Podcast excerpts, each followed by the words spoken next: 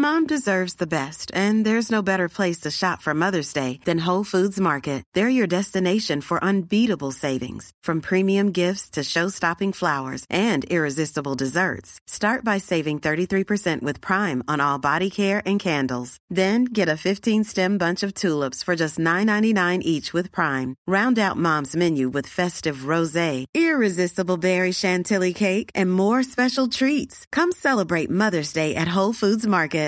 One size fits all seemed like a good idea for clothes Nice dress. Uh, it's a it's a t-shirt. until you tried it on. Same goes for your healthcare.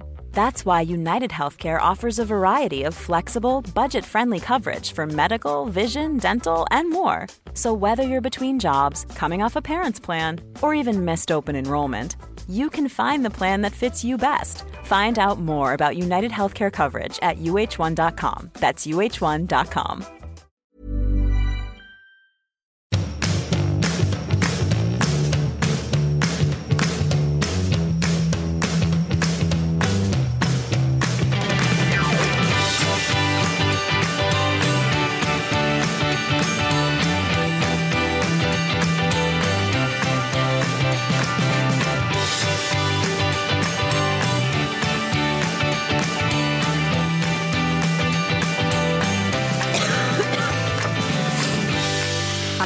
gamla rosslerska.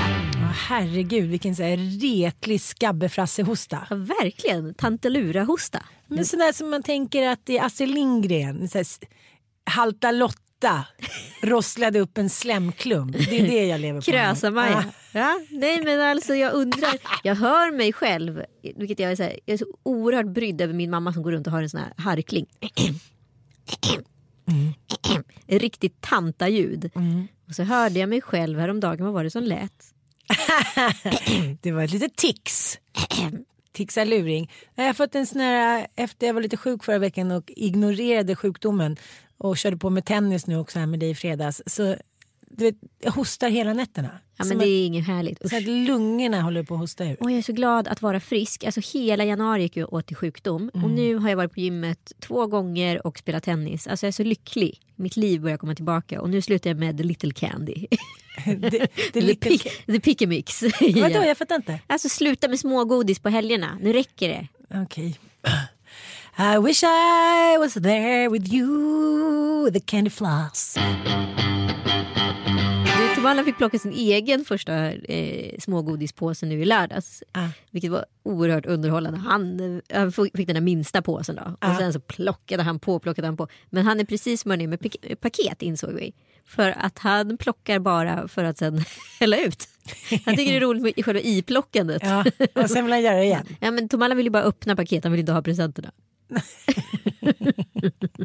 Han är helt fast i tanken på att det var han som fyllde år förra året och Samir och Viktor var spelade på hans kalas. Jaha. Men, Och han öppnade också alla Pennys presenter och tappade två i marken. som gick sönder. Hon var ju helt förkrossad. Han är fast troende på att det var hans kalas. han är troende. Han är gullig nu i håret. Han är så gullig nu. Han och Bobo. Alltså så gullig alltså. Man vill att de ska åka på en egen semester.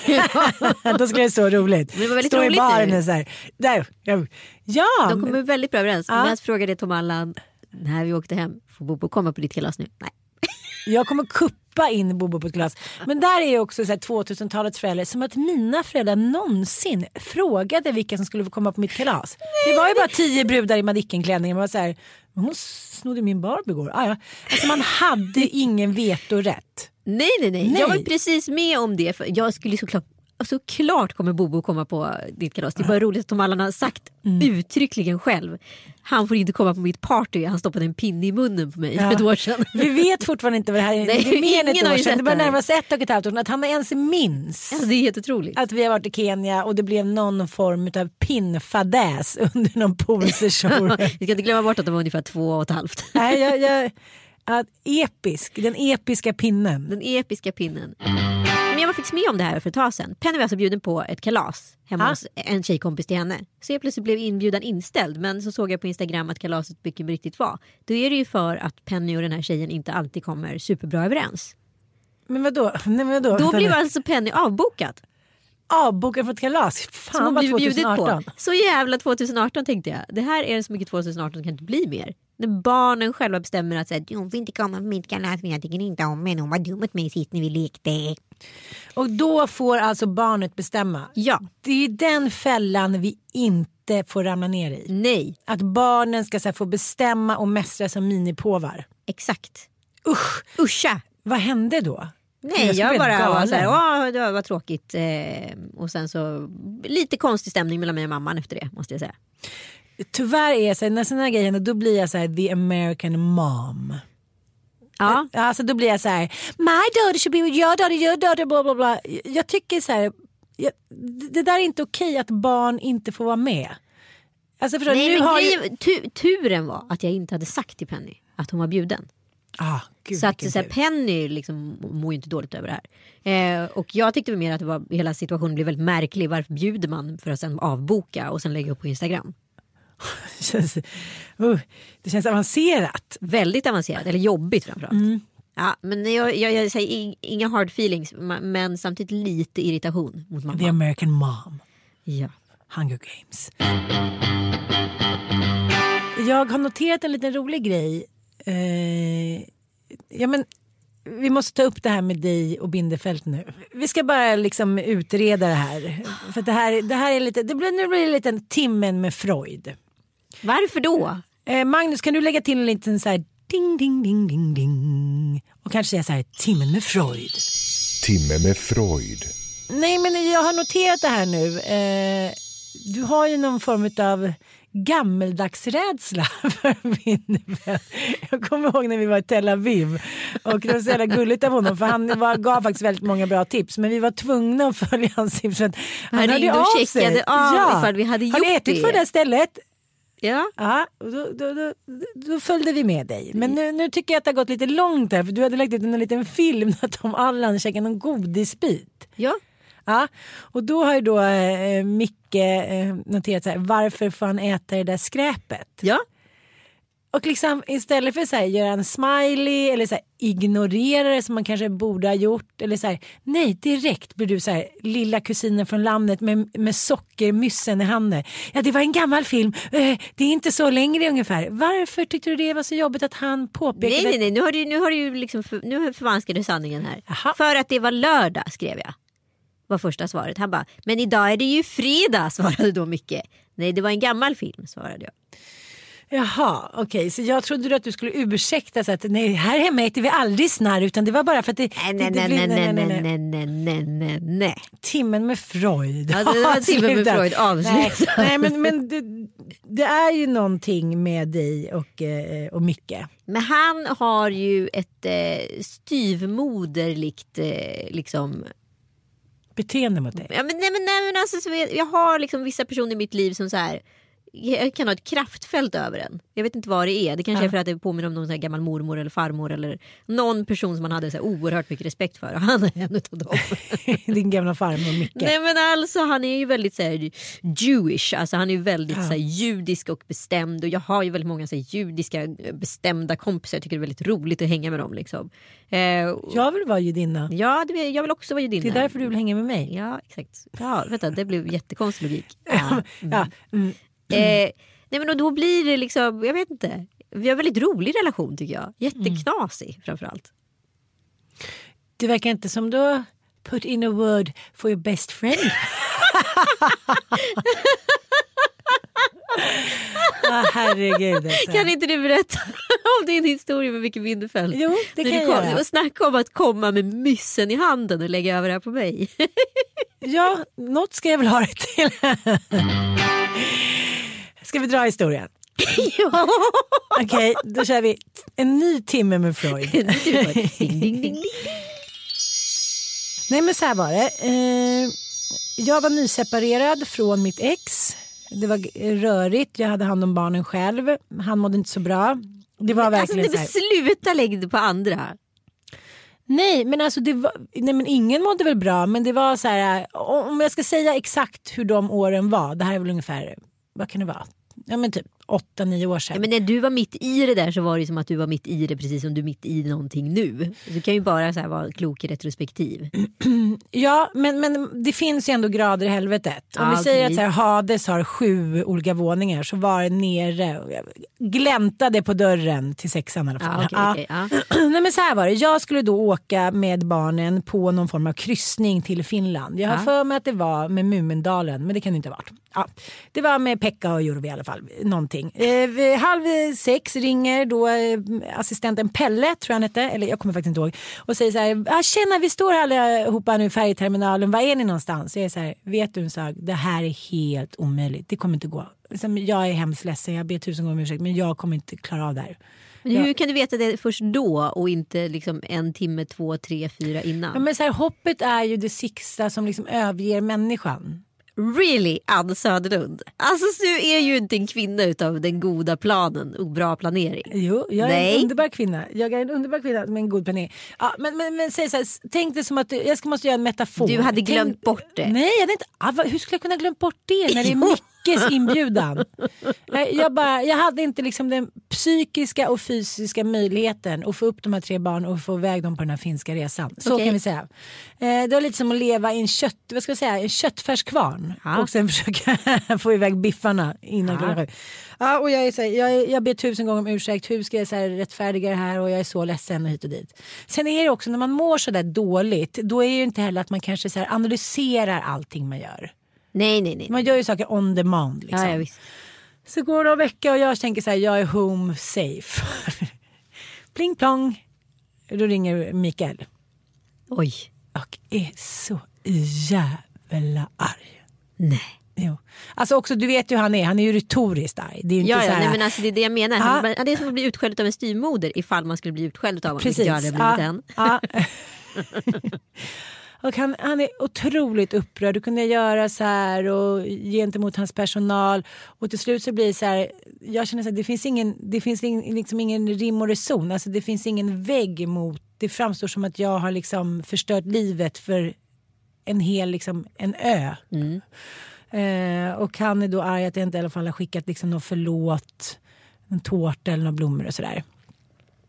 Och sen dess, det här är alltså, ja det måste vara åtta år sedan. Ja. Du är på någon svartlista där. Ja, jag har fått någon liten inbjudan till någon gran, eh, gran, graninvigning och, och någon Lailas eh, kök på att säga. Men sen har det varit tyst. Så du ska inte med på Yasuragi på söndag med andra ord. Då. Nej. Sanna frågade igår, har du fått en inbjudan till Yasuragi? Nej, nej. Och så säger tyst, jag kan väl få följa med dig. Jag tänkte ta med mig Olga. Jaha, ja. ja, så är det. Ibland Så får man är det. straffas länge. Det ska Ja. man väl göra också. Mm. Så Så be om långsint. nåd. Be om nåd här. Förlåt Micke. Ännu en gång. Kan vi stryka ett streck? Röka en fredspipa? Skicka den där tårtan nu då. Åtta år senare. Ja, jag kan skicka det. jag ska göra det. Ja, eh, snart kommer det tårta. Men jag har också en skämskudde. Det är ju något konstigt. Vi är ju fortfarande väldigt nya i vår relation. Eh, och eh, då är ju pruttar extremt laddat fortfarande. Det är klart att det är mycket bättre nu än vad det var för liksom fem månader sedan. Det är jobbigt att säga det 2018 men jag är med dig syster. Ja. Jag är med dig. Ja, vet, det ska väl du säga nu som har gått runt och sladderfisit. Jo, jo, men jag har inte alltid sladderfis. Men, men, eh, jag, för, ja, men alltså, så här, det är ju konstigt för i en gammal relation så är ju inte pruttar lika. Så här. Sen så gör man det kanske inte så medvetet inför varandra. Fast vet du, med mitt ex, inte en officiell prutt på 13 Nej, år. nej. Det, Det var inte så där. nej det, det, jag tror att eh, det kanske slank ut en eller två eh, pruttar från ex. Men som liksom jag sk- fick höra. Men det var Ah. inte meningen. Nej, Så att det, slank. var ingen, det var ingen, liksom, eh, ingen fiskultur. Och jag är inte pro fiskulturer. Samtidigt så är det ju skönare att kunna så prata om det än att inte prata om det. För då blir det jättestort. Jag vet, men hela min uppväxt är bara en lång, sur, utdragen superfis. Ja det är så. Ja. Ja. Ja, ah, okej. Så du, Eh, du ah. känner skillnad? Absolut. Eller Ja. jag kan inte säga från att, så här, när det hände. Men det har ju smugit sig på att det slinker ut. på ett annat sätt än tidigare. Det pyser. Det, Det är lite pyspunka. Det är lite pyspunka. Eh, och ja, nej men alltså nu nös ju jag förra veckan. Och liksom lägger av sån här århundradets brakare samtidigt. Alltså den genansen, det går liksom inte att... Det, alltså, du vet, och Joel han skrattar så mycket, han skrattar så mycket, han skrattar så mycket så han, han vet inte vad han ska ta vägen. Och han skrattar också mest för att han ser hur paniskt Ah, ah. panikad jag blir. Och vad gjorde du? Jag började nästan gråta. Nej. På riktigt, jag började nästan gråta. Men kan, kan, vi få någon, så här, kan vi försöka få någon ljudvägg av hur det här lät? Ja, hur du hur inte- högljudd var den decibelmätande? Nej men alltså om du tänker Achoo! och så tänker du att prutten liksom. Okej, om jag pruttar medan du gör Asho ska vi se om du får, till något. Nej. Mm. Okej. Det Eh, var jobbigt tycker jag. ja, men jag fattar, men du kommer ihåg när jag skulle göra en rolig skallepär för några Ja, månader sedan och så här låtsasfes och så kommer det en Och klappa i rikt- Ja. hälarna ihop och så kommer det liksom en riktig sladdridusk. Men det tyckte jag också Mattias var det roligaste jag varit med om. Men sen har vi i inte legat så mycket efter det. Exakt. Är mitt sexliv över nu? det är den stora frågan. Okej, Åh. men, men eh, jag, jag tycker så här. Det är mycket med metoo och 2018 och kvinnor och den skamfulla mensen och fisen och vi ska alltid påpeka så här. Nej, men det handlar inte bara. Joel skäms ju lika mycket för mig när han fiser så det är ju inte, liksom, det är Nej, men, inte jaha. jämställdhetsfråga. För det, nej okej, för, för där tycker jag ändå att vi, om vi nu ska sätta ner det här på prutt och bajsnivå så är det ju en jämställdhetsfråga. För de flesta killar jag känner har inga problem med att släppa en riktig brakare, kanske 250 gånger per Men dag. alltså jag fattar inte det. Och jag har liksom kompisar som lever i kulturer där båda sitter i så soffan och liksom lyfter på ena skinkan och släpper en prutt och den andra så här ska skratta med och släpper tillbaka. Jag har ju alltid trott att det där lyfta på skinkan har varit ett hittepå för att det ska bli lite mer buskis. Men, men det är ju så att folk lyfter upp skinkan för att riktigt få ut fjärten. Det är sant. De ska vara glada att de har tajta ringmuskler. Och varför vet jag det? ja, varför vet du det? Vi ska prata om problemet att vara navelskådande in emot sig själv. Vilket är det svåraste man kan göra. Och det spelar ingen roll om man är så 20 eller 40. Man vill inte erkänna sina fel och brister. Och man lever i det där, i den där liksom förnekelsen så hårt. Att när någon så ibland slår lite hål på bubblan. Då är det jävligt jobbigt att inse att så här, att man är så, inte vill vara klarsynt helt enkelt. Nej men alltså det som så här slog mig var ju att så här, jag tvingades se ett mönster i mig som jag hela tiden har liksom lagt på tidigare relationer. Mm. Och så inser jag att så här, problemet ligger hos mig och det så här är på riktigt lex 15 år senare. Mm. För jag kommer ihåg när du berättade den här historien för mig i morse. Så tänkte jag så här, gud jag fick sån déjà vu. Så här 400 gånger exakt samma historia med ditt ex. Jag var så här, nej men gud. Och då sa ju du det några minuter senare bara. Det verkar som att det ligger hos mig. Ja.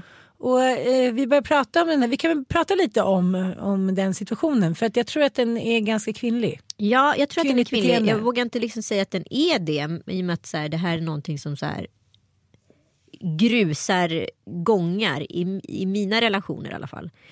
Eh, för mig, jag vet inte om det här hänger ihop med ett XX eller om det hänger ihop med barndom eller vad det hänger ihop med men jag måste ta reda på det hur som helst. Ja, men berätta nu vad det var som hände. För att vi har ju, själv- alla har ju varit i den här situationen. Så det är inte så som att du är ensam på banan. Nej. Nej, berätta nu. Okej. Joel ska gå på en AV, sen ska han gå på Thomas Andersson Vi. Eh, som har en eh, liten mikrospelning i sin studio för eh, hans största fans på Spotify. Det är kul. Gud vad kul. Ja, jätteroligt. Nu tänker jag att vi, eh, vi gör som en liten reenactment för fredags. Nu börjar vi med att Joel är på AV. Magnus kan vi få lite AV-ljud och lite musik. Joel är på AV eh, efter jobbet och sen så möter han upp sin kompis och sen ska de på en Thomas Andersson Vi-spelning, en liten intim spelning i Thomas egen studio, vilket är väldigt lyxigt. För övrigt min gamla arbetsplats där jag har suttit i fyra år. Din gamla kille. Jewish. Eh, jag skulle gå på Talang med eh, Penny och en kompis. Det visade sig att vi har tagit en månad fel. Så att vi alltså, 9 mars skulle vi vara där och Ah. det var ju 9 februari. Så det blev fel. Så vi åkte till eh, Bounce istället och eh, hoppade, hoppade studsmatta helt enkelt. På vägen hem så skickade Joel Joel ett sms. Vi är precis klara med spelningen, då klockan strax efter nio. Vi är på väg ner till Sturehov och ska ta en bärs. Eh, är det okej? Absolut, det är okej. Eh, vi är på väg hem så ingen stress hem. Ha det så kul. Hälsa Johan, kram. Eh, och sen så eh, nattar jag barnen, inga konstigheter. Och så får jag ett, eh, tydligen fått en snap eh, vid 11 som jag inte har sett. Eh, och sen så vid 12 så skickar han ett sms. så här, Är du vaken? Varav jag svarar så här. Håller på att somna. Hur så? Och här tar det skruv då. Eh, Nu är du sur. nu är jag sur. För det jag känner är så här. Från en AV till liksom en hel kväll. Då tycker jag man kan vara tydlig med det. Nu undrade du varför jag la in en gonggong. det var för att jag tänkte så här. Här har vi kardinalfel 1A. Det kvinnliga idiotin att ta citatet jag kommer ta en öl och sen komma hem på fullt allvar. För i din lilla skrala hjärna så tänker du så när han säger en öl då tror du på allvar att det är en öl efter alla år med män och kvinnor som du har festat med. Jag vet inte varför jag tar det som en öl och jag förstår inte varför man tolkar det som en öl. För ofta så, men det, det jag tycker blir problemet här det är för att jag säger så här. Du behöver inte stressa hem. Nej, nej, jag kommer hem. Jag ska bara ta en öl. Varför då ge ett löfte som man sen inte kan hålla? Då är det väl bättre att så, säga så här. Ja, men vi ses lite senare. Gå och lägg dig. eh, Jag kommer sen. Puss, puss. Men, här, men det, på det stora hela, här bryter ju helvetet loss nå- någonstans efter tolv. Eh, för han är så här, it doesn't make any sense. Och han har ju helt rätt. It doesn't make any sense. Det är bara att jag känner att jag blir känslomässigt kidnappad utav att inte veta vilken tid han har. För, för mig är det uppenbarligen utav någon outgrundlig anledning viktigt. För då kunde jag ett, kanske planerat något med någon kompis. Två, eh, gått och lagt mig. Jag känner mig då som att jag lever rebootar mig varje timme för att så här, jag vill att han ska komma hem och vi ska mysa, typ. Men han bara så här, men du har gjort så här hur många gånger som helst Anita. Jag bara, jag vet. Hörde du att min gång-gång 2 kom där? Jajamän. Mm. Här säger du alltså på allvar till mig och jag känner igen dig syster för att jag själv har varit i samma blåa skåp som du. Här, då kan jag kanske hitta på någonting med någon kompis eller inte. Du kommer hem 20 över 9. Du har ett barn hemma som är tre, ett barn som är sex. Menar du att du då vid 10-tiden skulle börja ringa runt någon som du skulle hitta på något med? Nej men i sådana fall kunde ju jag och min väninna Anna ha åkt hem till mig och tagit ett glas. Men om du hade velat det, hade du gjort det ändå? Då hade du tagit med en ändå, även om Joel skulle komma hem kvart över tio. För det är så vi är. Sant. Så, så då eh, har vi två fel här. Ett, tro på jag tar en öl och kommer sen. Två, det här att man ska hävda att man tycker synd om sig själv för att man själv skulle kunna hitta på något annat. Varför var du tvungen att hitta på något annat? Nej jag tror inte jag behövde hitta på något annat. Jag tror jag behöver ett svepskäl för det. Men nummer två handlar om att så här, jag har ju tydligen, jag vill veta en tid. Ge, ge mig inte en tid eller ge mig liksom så här, ikväll kör vi på. Eller ikväll så är vi hemma. Säg inte jag tar en öl och kommer hem sen. När jag säger, uppmanar honom till att så här, ha så kul ikväll. Här blir det fel tycker jag. För då tycker jag så här att då blir det lite som att han sviker ett löfte. Och här blir ju jag i sådana fall han tvingar ju in mig i en situation där jag tvingas bli en ond människa. Så han tycker att jag startar bråket, vilket jag gör. Under tiden eh, jag tycker att han eh, liksom bäddar för bråket. När du berättade för mig det här i morse, då tänkte jag tillbaka på alla gånger du har visat mig så här, telefonkonversationer under kvällar när du då tror att du är härlig och så här, eh, ja men du vet bjussig och mysig och så här, har det så kul nu men hör gärna av dig om. Om man hela tiden hör gärna av dig om bla bla bla, då, du slår ju in en kil i trivselskapet ute på krogen. För att de vet att hela tiden sitter du på deras axel som en liten fluga och så här, mm, mm. Och de vet att du blir surare och surare för varje timme och då blir det liksom något kontraproduktivt. De blir barnsligare och barnsligare och du blir surare och surare. Istället för att direkt så här släppa det, så här, bonusen blir om de kommer hem innan fyra. Och det här gäller kvinnor och män. Så jag, jag gör inte det här till ett, liksom, ett problem, könsproblem. Men varför, då, är så här, då vill du ha kontroll. Att, varför ska han ha så härligt när han inte hade sagt det innan? Nu vet inte du det. Fast du själv har gjort så tusen gånger. Så har jag gjort tusen gånger. Men Så att jag tänker så här, jag har fan i mig sagt till att så här, ikväll kommer jag nog kanske köra på. Vid ett par tillfällen. Nej men jag menar bara att det går inte att kontrollera en annan människa. När man börjar göra det så blir man oskön och då blir relationen oskön. Ja, Mm. och det håller jag helt med om. Det är liksom eh, lilla, lilla utsträckta fingret där Mm. fågeln sitter på. Börjar man kupa handen över så blir, vill fågeln fly. Ja och varför försvarar du då ditt beteende? Nej, jag, jag kan inte försvara mitt beteende. Det är ett skitbeteende i allra Ja. högsta grad. Ja. Men jag undrar varför det... För uppenbarligen påverkar det mig på ett väldigt så här, läsk, negativt sätt. Jag hamnar i en negativ spiral. Varför gör jag det? Men du måste också se, du har haft en relation när du blev bedragen i flera år. Ja. Det var en man, som vi kan kalla honom, som sa någonting. Han sa A men det var alltid B. Ja, och, ibland det, är, C det är och ju D. därifrån det kommer. Ja, men, men det är kanske ett problem det du har. Du det råkar ut för mycket liksom- grejer som du inte bearbetar. Ja, den där är väl inte att bearbeta överhuvudtaget för att så här, den har ju inte ens lyft, det locket har ju inte ens lyft Nej, på. du, när du berättar de där historierna då berättar du det lite som så här, ja men så som man har i relationer ibland. Du vet, det är så vidrigt det som pågick under så många år så att jag förstår inte ens att du stod på benen efter det. Så att jag, mitt råd till dig som en liten minihobbypsykolog är så här, gå och prata om Men det har jag ju där. bokat tid. Jo men du hade inte tänkt prata om det då. Nej men det kommer ju komma med då. Ja, Mm. Jag tycker att så här, där börjar du. Ja, mamma. Du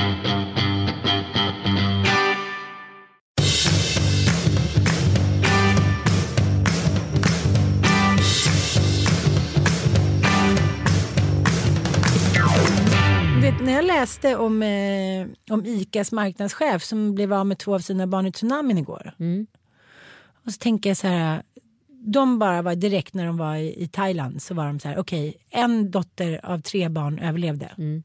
De sa det, tack gode gud för det. Vi var tvungna att göra livet drägligt för henne. Mm. Hade alla tre dött då hade man ju bara lagt sig ner och liksom Dött. gett upp. Ja. Eh, så att, men, men de bestämde sig direkt för sig. Vi ska ha tre nya barn. Ah. Ja. Det kan aldrig ersätta men tre levande barn är liksom mm, ja, Det är tre är barn. mer än två som ligger i, under jorden. Liksom. Ja.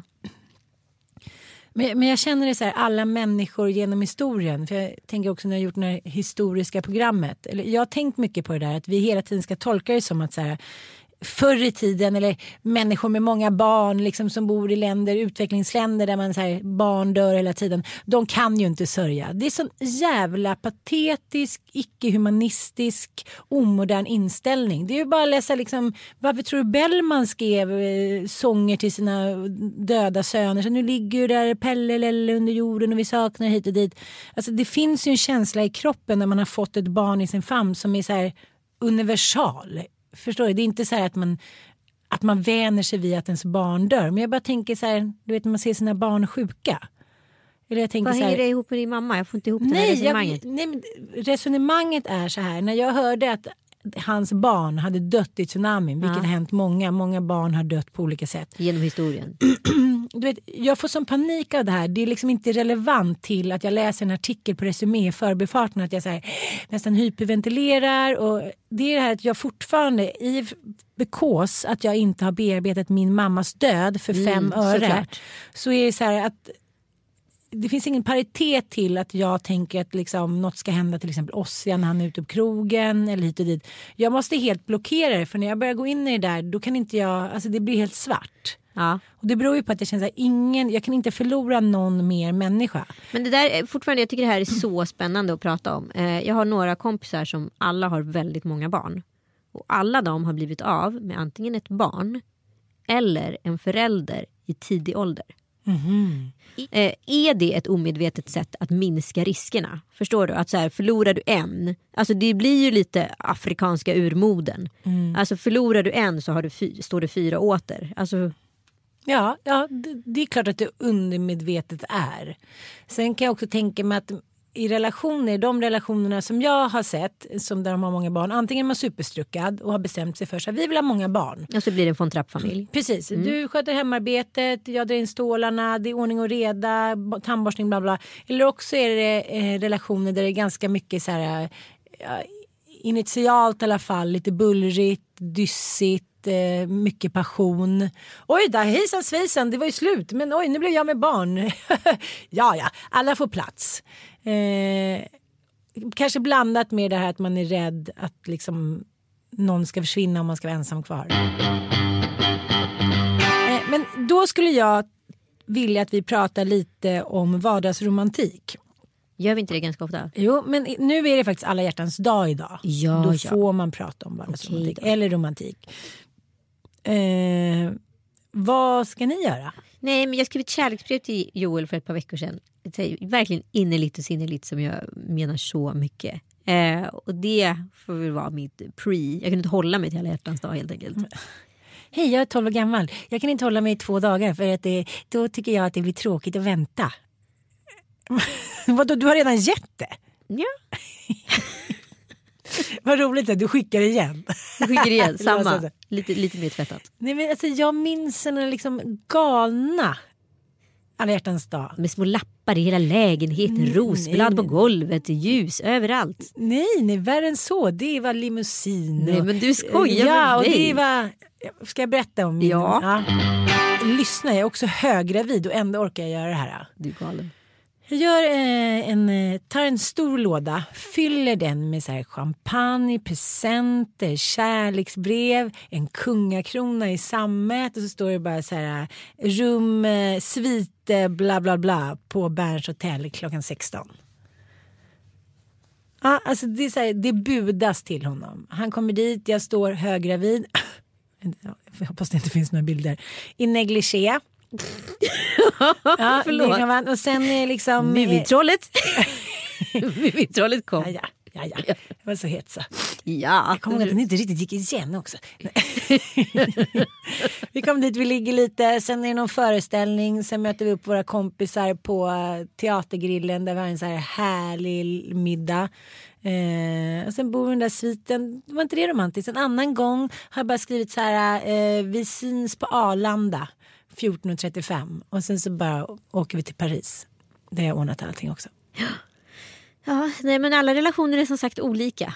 Nej, men det var så viktigt då. Förstår? Det var så här på Strindbergs, på liv och död. Jag trodde liksom att om man inte gjorde det här, om det inte, man höll i liv i det här så skulle man gå under. Och om jag ska så här, vara helt ärlig så måste jag ge mig själv lite rätt. Ja, Att, att man kan så lätt spela en romantik som inte finns. ja precis. Menar? man skriver lite filmer om sitt eget liv. Ja, att det är så här, man värnar om det här som en så här h- helig graal. Att så här, det här måste vi hålla fast vid. Vi måste åka på romantiska weekends även om det tar koll på oss och liksom låna ut barnen och hit och dit en nappflaska hit och dit. Vi måste så här, jag kommer efter dig, jag hoppar på ett tåg, ett flyg. Det är så här på liv och död. Och eh, ibland har jag tänkt så här, gud hur orkade jag eller det kanske var onödigt. Men nu när jag så här, sitter här idag och inte riktigt orkar längre. Då kände jag att så här, det är på liv och död. Ja, kärlek är verkligen på livet där man ska ta det på största allvar. För det enda man har i en relation som faktiskt betyder någonting. Om man ska vara riktigt ärlig. Mm. Alltså har du inte kärleken så kan du vara liksom, ja, göra det med en kompis. Eller liksom, alltså, det finns ingen... Partnerskapet i sig fyller ingen funktion ifall du inte har kärleken där. Mm. Jag kommer alltid ihåg min kompis som, eh, när hon var nygift så sa hon så här, men ska vi inte fira nu då? Så här, och, jag skulle gärna vilja att, att, att du sa jag, jag älskar dig lite oftare och sådär. Det sa jag när vi gifte oss, blir det någon ändring så säger jag det. På fullt allvar. Mm.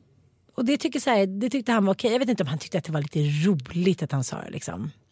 Och nu är jag gift med en ny tjej som jag känner som är så här skithärlig. Jag hoppas han har blivit lite men just de där orden, gud vad man kan ändå förändra en lite trist vardag med ord. Ah, ja, gud. Om man bara så här vaknar upp och ger någon en kram och säger något fint, liksom, då är, har ju någon gjort hela ens dag. ja. I morse vaknade jag lite av att en fågel sjöng utanför fönstret. Jag bara, va? Jag tyckte det var sånt mirakel. Jag tänkte, gud, våren är analkandes. Så mitt, mitt bästa råd är ändå så här, Ernst Brynner, vardagspoesi. Det var skitbra hans förslag. Man, kom du ihåg de där som alla hade på kylskåpet förut? Bokstavs... Eh, vad heter det? Snäpp- Ja. ja. Och så varje morgon då hade han skrivit en liten ny minidikt till sin fru. Underbart. Tänk dig vilken lycka att vakna upp till det. Det är inte särskilt svårt. Nej, det är inte särskilt svårt. Men ändå gör man det inte. Nej, men gör det. Vi gör det nu. Ja, men jag vet inte. Jag tycker att vi är ganska duktiga på romantik i vår relation. Det Mm, är vad alltid små fina sms till varandra och liksom sådär. Tänker på dig, längtar efter dig, vill aldrig vara utan dig. Du ger mig allt, bla bla bla. Alltså Mm. bara så här små enkla meningar som ändå så här, kan, man får det vid, liksom, man springer på väg till något möte och så kommer ett sånt där. Då bara, man blir lite varm Jag vet, kroppen. jag vet. Det är underbart.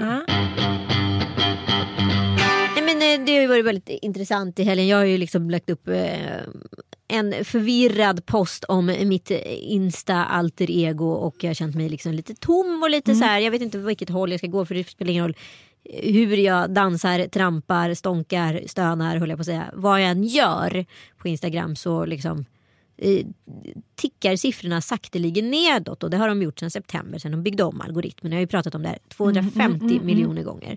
Men det är så här, Instagram inte har tänkt på det är de så psykologiska aspekterna utifrån problematiken.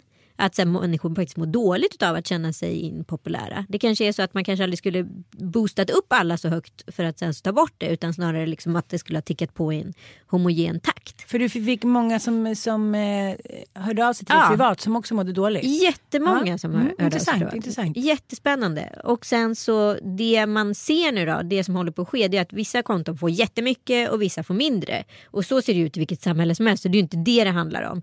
Men det som det påverkar, som jag tycker är spännande i det långa loppet, det är ju liksom, det har ju byggts upp en industri runt det här. Alltså allt från att vi sitter på Acast egentligen, till liksom, vi är ju influencers och bla bla bla, det finns ju ett intresse för oss för att vi, så därför har vi en podd per definition. Eh, och eh, Sen så finns det ju liksom massa säljorganisationer, massa bättre contentbyråer och så vidare och massa har ju också näringslivet ett sätt att kunna så här, marknadsföra sina produkter lite billigare än att faktiskt gå till en reklambyrå och köpa en dyr eh, person, artist etc.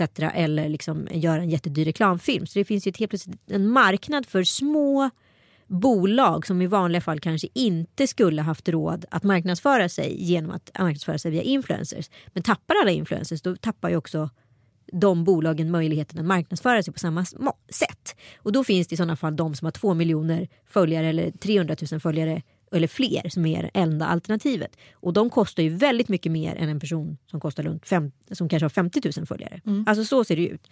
Eh, så det, det påverkar ju marknaden på ett sätt. Och sen så blir jag ändå liksom intresserad av det här på ett filosofiskt plan varför vi känner depressionen och alltihop. Och så började jag tänka på, så fick jag ihop det med att så här, varje samtid har ju liksom en intelligenspeak. Alltså det är ju så att vi har ju samma hjärna som vi hade för 3000 år sedan. Alltså de stora filosoferna i Grekland eller Voltaire och alltihopa. Vi har ju tänkt samma saker. Sen helt plötsligt så händer någonting i vår kultur. Att det börjar gå neråt igen. Och det här är ju människans sätt att rädda oss. Att bli osmartare. Och den forskningen som precis har kommit fram är ju just att, eh, att liksom sociala medier och eh, tittande på padda och så vidare. Bloggar och vidare. Ja, det sänker intelligensen. Såklart! Såklart! Om du inte läser en bok, om du inte räknar ett tal, om du inte liksom utsätter dig för att så här, lägga ett pussel eller knyppla eller knåpa. Alltså så här, klassiska handarbetskonster påverkar ju liksom och vad heter det, att läsa ett fysiskt ord ur en bläddrad bok. Det påverkar hjärnan. De har till och med mätt det upp till på högintelligenta nivåer att sju punkter har intelligensen sänkts. Den har också höjts väldigt mycket under 1900-ta- 1900-talet så att eh, vi är ju ändå över vad vi var när vi, för 3000 år sedan om man säger så. Ja, vi ja, lite ovanför. Men, Men, liksom, vi är på väg, vi håller på att dala rejält. Ja, och då är det ju en fråga så här. Eh, för att du menar på att det finns alltså en, en väldigt intelligent hjärna är ju väldigt fragil. Den är ju väldigt skör och människan mår ju väldigt dåligt just nu. Och det hänger ihop med det här. Att vi är väldigt smarta och man mår dåligt när man är smart. Eh, men så menar de på att eh, det är en bondehjärna eller man ska eh, liksom, formulera det som utifrån liksom, ett historiskt perspektiv. Det är ingenting som är mindre intelligent med det. Den hjärnan är liksom bara den har en annan typ av intelligens. Den har liksom ett driv, en kraft, en planering och så vidare, en struktur. Ardennerhästintelligensen. Är hästintelligensen. Typ som att så här, det finns ju fotbollsintelligensen och så finns det liksom matematikintelligensen. Alltså det är ju två olika typer av intelligens men det är samma sak. Så att så här, människan kanske precis just nu håller på att överleva sig själv genom att sänka sin intelligens och vi blir lite dummare. How sweet to be an idiot. Alltså att det är ganska bra att vara dum. För att då mår vi bättre. Jag tror precis som du säger att så här, det, det är klart att det inte finns någon så här fortsatt peak. Att alltså alla går omkring och är med i Mensa. Men känsliga själar mår ju sämre och det brukar gå lite hand i hand med intelligens och kreativitet. Exakt. Eh, men jag tänker så här. Det där är väldigt fascinerande tycker jag att man tänker sig att, att vi så här, moderna kvinnor till exempel. Vi, vi, vi, så här, vi gör karriär, vi gör det, vi, så här, vi står här nu liksom, i våra moderna skor. Men ingenting har hänt sen liksom, ja, men neandertalarna precis som du pratar om. Ja, det är väl klart att det har. Och vi kan ju prata många gånger hur fan stod man ut på 40-talet, stod man ut på 50-talet, alltså till och med så korta tidsreferenser, hur stod man ut på 1800-talet. Det kanske helt enkelt var att samhället, vi hade inte den typen av hjärna som vi har idag, så de tankarna inte ens fanns i oss. Nej, men, men så här är det. Det som händer är att människor har ju mått sämre och sämre från industrialiseringen. Ja. Det är då vi inte längre går hand i mun. Innan gick ju en mammas vardag ut på att vakna upp svintidigt, eh, se till att alla fick mat, tända eld, se till att alla överlevde. Så gick hela dagen på fram till liksom sena kvällskvisten ut på att se till att få mat. Och, att ens liksom, och om man jobbade till exempel som en statare eh, då var man tvungen att först gå till husbond och jobba för honom och sen komma hem och jobba för sin familj. Så det fanns inte så jävla mycket tankar att tänka så här, har jag dåligt sexliv? Är jag snygg? Är jag smart? Mår jag dåligt? Det var så här, överleva för dagen. Ja, men Och det är sen- precis som u-länderna. Precis. Mm. Alltså, det är samma parallell som det är med moderna u-länderna. Inte fan hinner de tänka på om de så här, har en Kim Kardashian-rumpa eller inte. Nej. Alltså det är väl klart för att de måste få mat på bordet. Deras problematik ser helt annorlunda ut helt olika typer av intelligens. Var kanske man kan dra parallellen Mm. den intelligenta bondehjärnan slash den intelligenta fragila hjärnan. Liksom. Ja, men och det- ingenting säger att den andra är bättre. Nej, men du är bara att tänka på 1800-talets hysterikor. Ja. Och alla var så hysteriska och alla mådde så dåligt och alla höll på att bli galna. Ja, för att det var överklassens kvinnor som var uttråkade. Exakt. De satt hemma och tittade på sina jävla mörka samhällsgardiner. De kunde inte röra sig för de hade så liksom hårt åtdragna korsetter. De fick förmodligen inte ligga så mycket för då var det okej för deras män att gå till horor. De behövde inte laga mat. Eh, Det intellektuella, de kunde knappt läsa. Vad fan gör man? Till slut blir man ju tokig av understimulans. Det är klart. Ja, så att, eh, jag tror mer tillbaka till eh, bondesamhälle. Ja men det, nu pratar vi om en utveckling som kommer ske under liksom 100 år framåt. Men vi pratar hela tiden också om det Harari påstår liksom i Homo Deus det är att vi kommer bli 400 år. Men Mm. det kanske inte finns. Alltså vi kanske räddar oss själva genom att ambitionen att bli 400 år kanske inte finns. För att hjärnan. Mm. blir osmartare. Är inte det underbart? Det är helt underbart och jag tycker att det, jag menar, rent historiskt är det alltid att så här, vi räddar, eh, jag, menar, jag hade för mycket människor på jorden, då räddar vi med någon form av epidemi. Alltså så här, vi på något sätt vi programmerar ju människan till att så här, klara så att vi inte ska dö ut. Ja, men det, vi kan ju inte framtidssia i och med att biologin, arten förändrar sig själv ur Mm. sitt sprung. Så de tankar vi sitter med idag kommer icke vara aktuella om tio år. Nej. Så är det ju.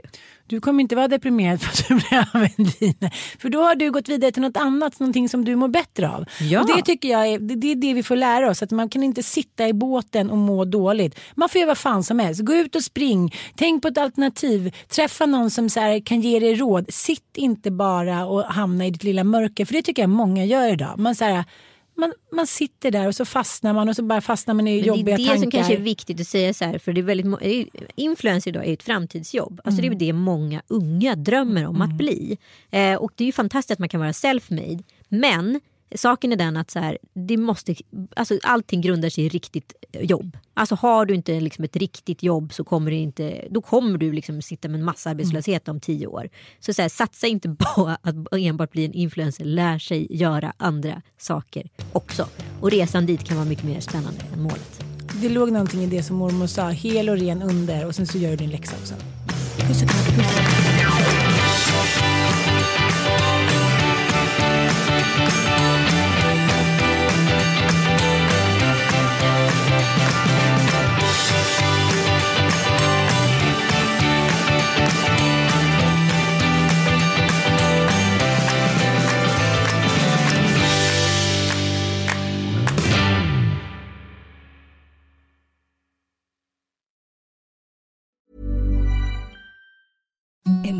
the softest sheets you've ever felt. Now imagine them getting even softer over time. That's what you'll feel with Bowl and Branch's organic cotton sheets. In a recent customer survey, 96% replied that Bowl and Branch sheets get softer with every wash. Start getting your best night's sleep in these sheets that get softer and softer for years to come. Try their sheets with a 30-night guarantee. Plus, get 15% off your first order at bowlandbranch.com. Code BUTTERY. Exclusions apply. See site for details.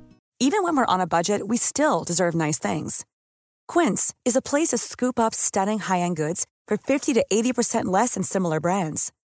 They have buttery soft cashmere sweaters starting at $50, luxurious Italian leather bags, and so much more. Plus, Quince only works with factories that use safe, ethical, and responsible manufacturing. Get the high-end goods you'll love without the high price tag with Quince. Go to quince.com slash style for free shipping and 365-day returns.